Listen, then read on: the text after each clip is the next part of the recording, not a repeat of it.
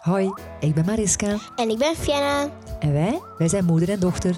En samen willen wij jullie besmetten met de goesting om elk moment buitengewoon te maken. Van originele feestjes, Tot leuke cadeaus. van toffe uitstappen, Tot mooie momenten. alleen niet zonder risico. Mogelijke bijwerkingen zijn hartkloppingen van enthousiasme, verlies van tijdsbesef en een rode gloed op de wangen uit verlegenheid van de massa's complimenten. U hoort het, u bent gewaarschuwd.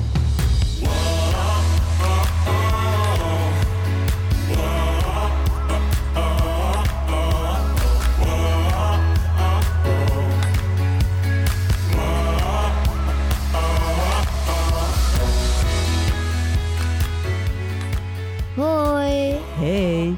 Zeg schat, wat denk je als we het vandaag eens over een andere boeg gooien? In plaats van heel de podcast te gaan inspireren met tips en ideetjes, zouden we in deze aflevering gewoon het gesprek aangaan.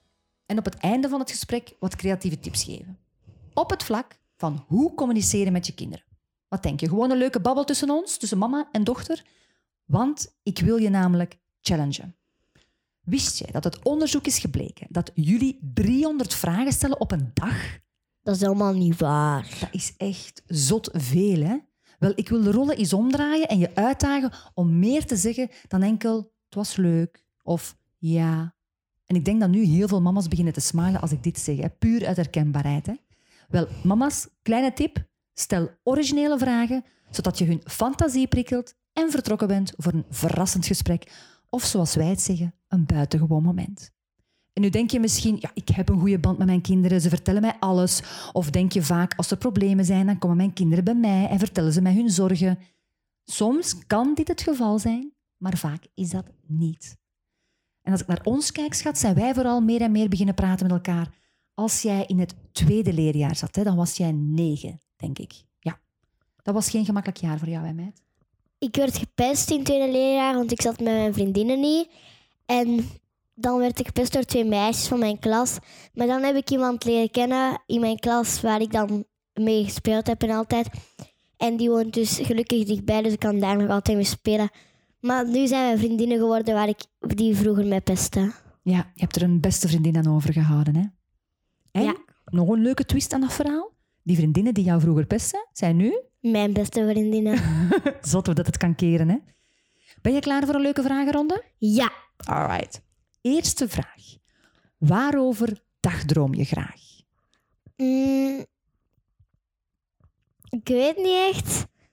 Zit je niet vaak in de klas te denken aan iets? Nee, ik let meestal wel op op wiskunde zodat ik tenminste wel goede toetsen heb of zo. Hmm, dat hoor ik graag. En waar droom je s'nachts over dan? Want vaak sta je aan mijn bed. Soms weer goede dromen, want ik droom meestal van als Moeka onze de hond gaat kiezen en Oh. zo. En ik mag mee gaan kiezen en zo. En Ja, de dat- slechte dromen? Dat is meestal dan als er iemand mij wil doden of zo. Of als er iemand een spook of zo iemand rond mijn kamer loopt en zo. Maar dan ben ik er om jou te troosten. Hè. Waarvan word jij blij? Ehm, als ik mijn vriendinnen zie. Of als ik naar de Giro mag terug. Bij het Giro. Met de Giro mag ik sowieso nu al niet met corona, maar gelukkig mag het weer wel. En als ik mijn vriendinnen zie, Waar word je nog blij van? als ik mag sporten. Hmm. Niet altijd. Blij, blij bij sporten. Of het saai sport is op school of zo. Dan niet echt. Dus sporten en vriendinnen.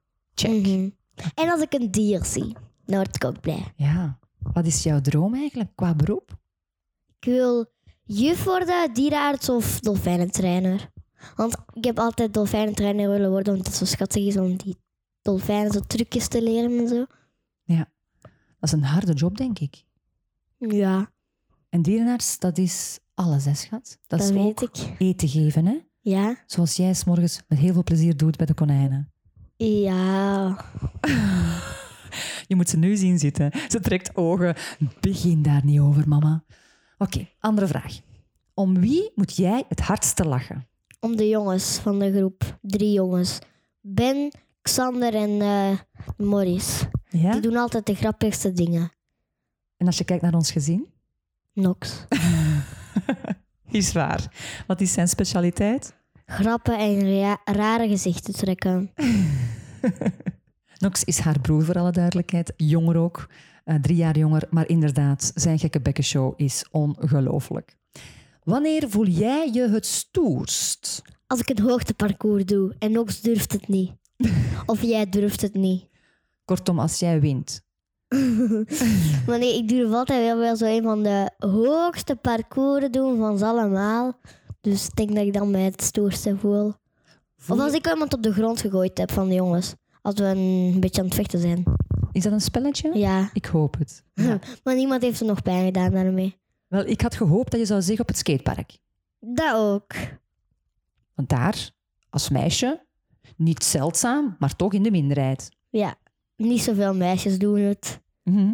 We zijn met twee van de groep. Zeg je, wat is het stoertste dat je tot nu toe al gedaan hebt? En klimparcours van 25 meter hoog. Ja, dat was wel stoer met papa toen, hè? In Nederland. Maar ik wil een keer op 50 meter doen. Ik ben daar Ja. niet bang van. Nee. Zeg, en het quadrijden? Ook. was ook een stoere activiteit, hè? Of als ik aan Ben zijn hang- hing. Zo. Mm, maar geen, geen karken onder mij. Ik heb mijn voeten aan het slijten. Hè. Ja, schoenen kapot. Mama, trek het u niet aan, dat gebeurt. Zeg, en hoe gaat het met je vrienden? Goed. Die hebben niet echt iets mis gehad. Eén iemand heeft wel een keer corona gehad, maar niet zwaar. Die had gewoon één dag even rust nodig. Mhm. En een weekje dan nog wat rust hebben gehad. En dan was die weer normaal. Over corona gesproken, jij moet een mondmasker dragen, al een hele periode eigenlijk. Mhm. Hoe vind je dat? Niet echt leuk, maar ik ben dan normaal geworden. Want ja, ik doe het vaak aan. Ik moet elke dag aandoen. De speelplaats, mijn warme dagen. Dus ik ben dan normaal, maar ik vind het niet zo, zo leuk. Maar je hebt al een hele collectie, hè? Mhm. Welke is jouw mooiste? De tie-dye. Past bij alles. Mhm. Dus je maakt een fashion statement op de speelplaats. Mhm. Ja. Laat ons even inzoomen op superhelden. Hè. Je broer kijkt dat vaak, die Avengers. Stel dat jij een superheld zou zijn. Wat is je superheldnaam en wat zijn je superkrachten? Fiona Hero. Fiona Hero. En dan mijn superkrachten zou zijn teleporteren, Mm, kunnen vliegen, cool. Eh, met dieren kunnen praten is makkelijk als dierenarts. en ehm, water kunnen... Allee, water, water, waterkrachten, zo met water kunnen spelen en zo. Wacht even, dat zijn alle superheldenkrachten bij elkaar in één persoon. Ja, Oké. bijna allemaal, hè. Ja. ja. Je hebt geen hamer nog niet, hè? Dat moet ik gewoon tof. niet hebben. Nee, moet je niet hebben. Hoe zou jouw uniform eruit zien? Blauw, nee. Een paars met blauw pak. Met dan van achter op mijn cape een F op staan en op hier van voor op mijn borst. En een F op staan. En dan zo, eh, zo kleine diertjes. Zo kleine diertjes op mijn cape rond mijn F. Ah ja, met stickers of echt wel diertjes erop gezet? Nee, zo eh, genaaid Ah, erop. Oké, oké, stoer. Alright. Stel, we mogen terug op vakantie gaan en je bent op het strand. Wat is het eerste wat je doet? Op een pa mijn paard rijden op het strand, zo in het water en zo. Dat leuk. Of mijn hond. Oh. Of een dolfijn rijden, op dolfijnen. Met een dolfijn zwemmen. Aan de zee. Ja. Dus eigenlijk gewoon het water in. Ja, Of nu mijn paard is, of mijn mijn hond dolfijn, of, of, mijn, mijn dolfijn. Ja. Weet jij nog die hele leuke grap die nog ons heeft uitgehaald in de, aan de zee? Oh ja, toen ik mijn paraplu losgelaten heb, mijn lievelingsparaplu, en Nox is daarachter gegaan met zijn kleren aan. Echt, mensen kunnen het u inbeelden. Wij lopen mooi op het strand. Vienna heeft een paraplu vast, want het regent. En die vliegt gewoon de zee in. En Nox, wat doet Nox zonder nadenken? Met kleren en al aan, richting de zee, loopt hij er middenin om die paraplu te redden. En mijn reactie was: nee! Eén, we zijn anderhalf uur van thuis. Twee, we hebben geen reservekleden bij, want ja, de leeftijd Maar is er ik onder- was wel blij dat ik mijn paraplu terug heb. ja, maar hij was wel door en door nat, met als gevolg dat wij gewoon een winkel hebben opgezocht op zondag om nieuwe kleren te gaan kopen. Echt waar. En dan dacht ik van, schat, je bent een held. Moest het jouw zus geweest zijn. Maar die paraplu was helemaal zo erg niet. Oh, echt. Trouwens, over winkelen gesproken. Stel dat je een winkel zou hebben. Wat zou jij dan verkopen? Dieren, kleren ver- verkopen en kleren voor kleine kindjes, dus voor baby's en zo. Ah ja, een kledingwinkel. Ik had Mhm. gedacht van, mama, ik ga een winkel open doen met fidget toys. Zou ook kunnen, dat wilden we ook even doen, maar dat was misschien waarschijnlijk weer te duur, want die poppies zijn, zo wel, poppies zijn wat duur en zo. Ja. Dus het blijft kledingwinkel. Ja, dan zou het zo wel een kledingwinkel zijn. Check. Of een fidget toy winkel. Of een hoesjeswinkel. Van zodat ze kunnen kiezen. Ik wil graag die foto van mij. En dan moet je dat zo op dat hoesje zetten en zo. Ah ja, dus met gsm-accessoires. Mhm. ja, toevallig niet drie dingen die... Dat kan ook bij zijn. elkaar bundelen. Ja, daar kan je een pop-up store van maken. Een concept store. En dat noemt zo een concept store. Mhm. Dan hebben ze verschillende dingen. Oké, jarenplan, check. Waar kijk je naar uit als je 's ochtends wakker wordt? Om op mijn gsm TikTok te kijken. Om te eten. Dat is het juiste antwoord, dacht ik in mezelf. Ik dacht, nu gaat ze eruit- er echt uit zeggen, boken met chocola. En op het wc te zitten. Waarom? Mijn boodschap te doen, hè. Je denkt niet mijn boodschap om te eten te maken, hè, maar Ja, ja. boodschap om ja, ja. naar het toilet te gaan. ja, ja ze begrijpen het. Ja. Daar kijk je naar uit als je 's ochtends wakker wordt. Ja, Ja? dan, dan is mijn blaas leeg. Oké. En naast wie word jij graag 's ochtends wakker? Nox.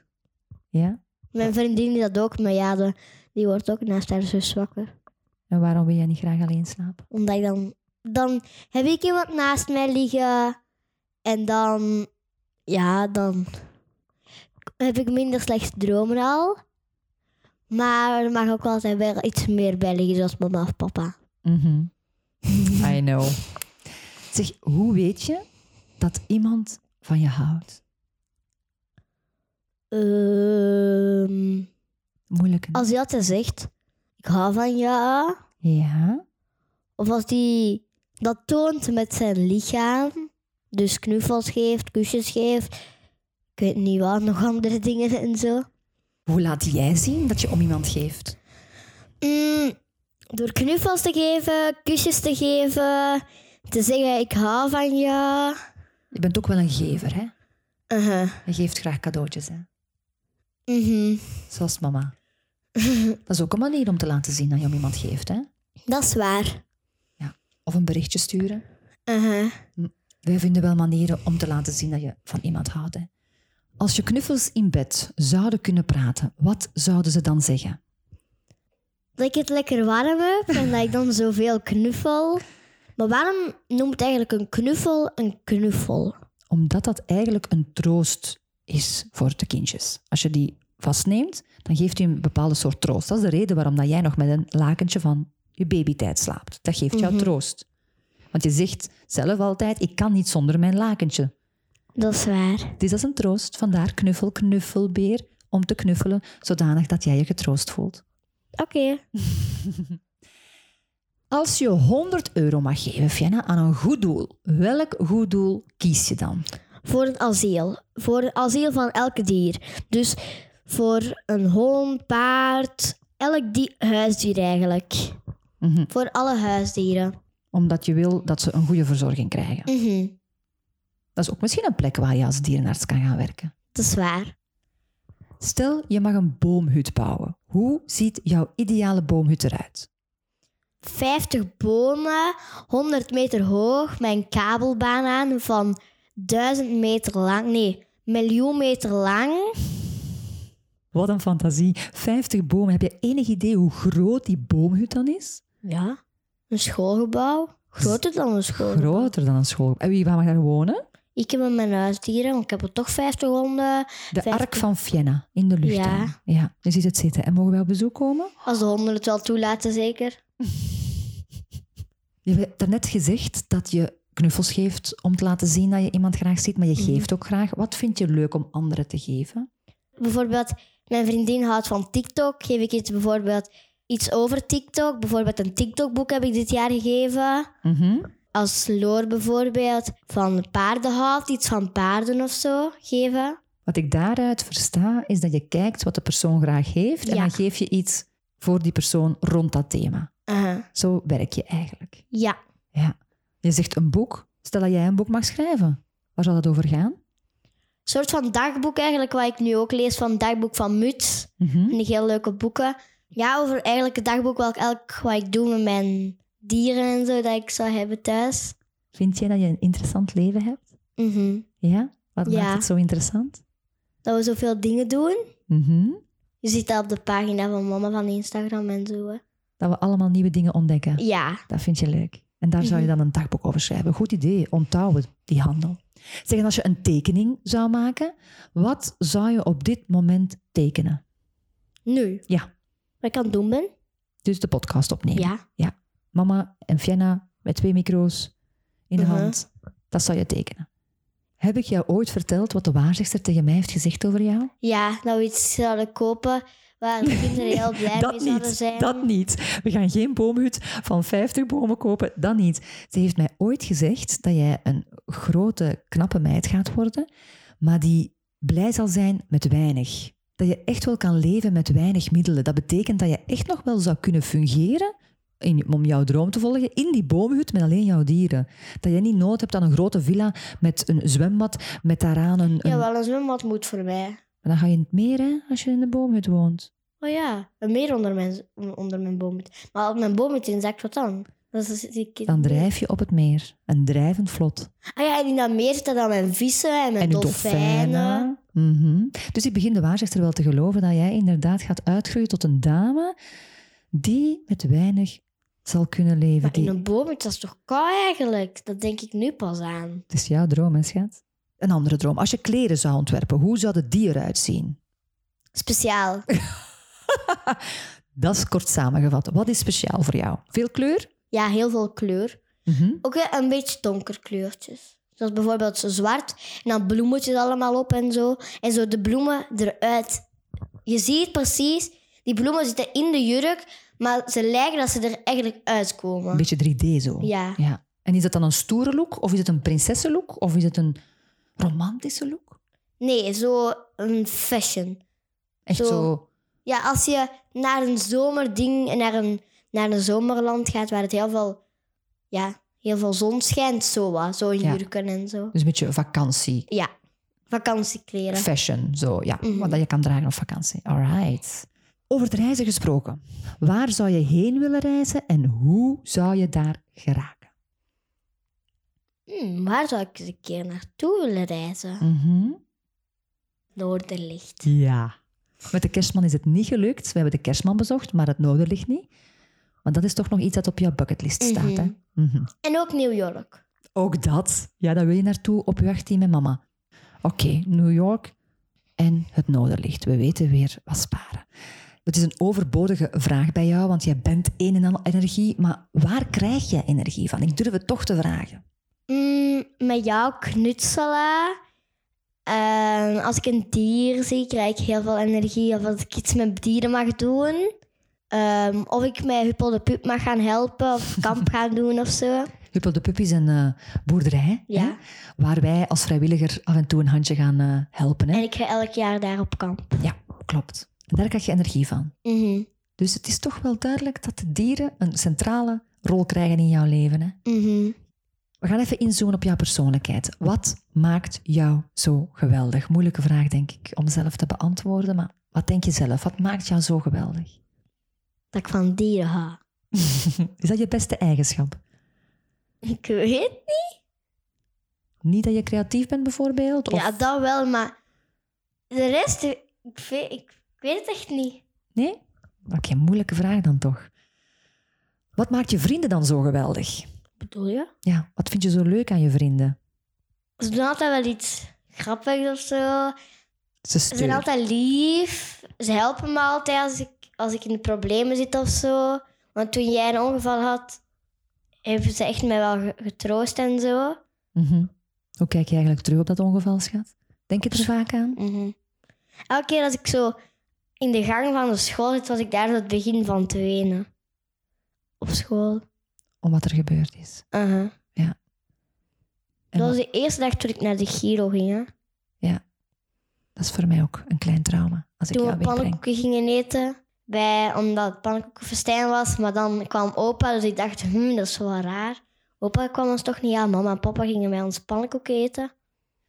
Om even te kaderen, voor de mensen die het niet weten, mama en papa hebben een fietsongeval gehad. We zijn gaan fietsen met de elektrische fiets, zonder helm. Dus als ik iets mag aanraden, lieve mensen, is draag een helm. Doe dat alstublieft. Mijn man is eh, gevallen op het gras met een sleutelbeenbreuk als gevolg en een kniefractuur. Maar ik helaas ben met de volle impact op mijn hoofd gevallen, geen schram aan mijn lijf en ik heb een hersenfractuur opgelopen. Wat maakt dat ik revaliderende ben en dat er bindweefsel is uh, verdwenen, waardoor er een uh, hele andere versie van mij hier zit aan tafel. Uh, degene die dat tegen 500 km per uur leefde, die is er niet meer. Maar we proberen dat een beetje te herstellen met de nodige begeleiding natuurlijk. Maar hoe ga jij daarmee om? Hoe merk jij dat mama last heeft?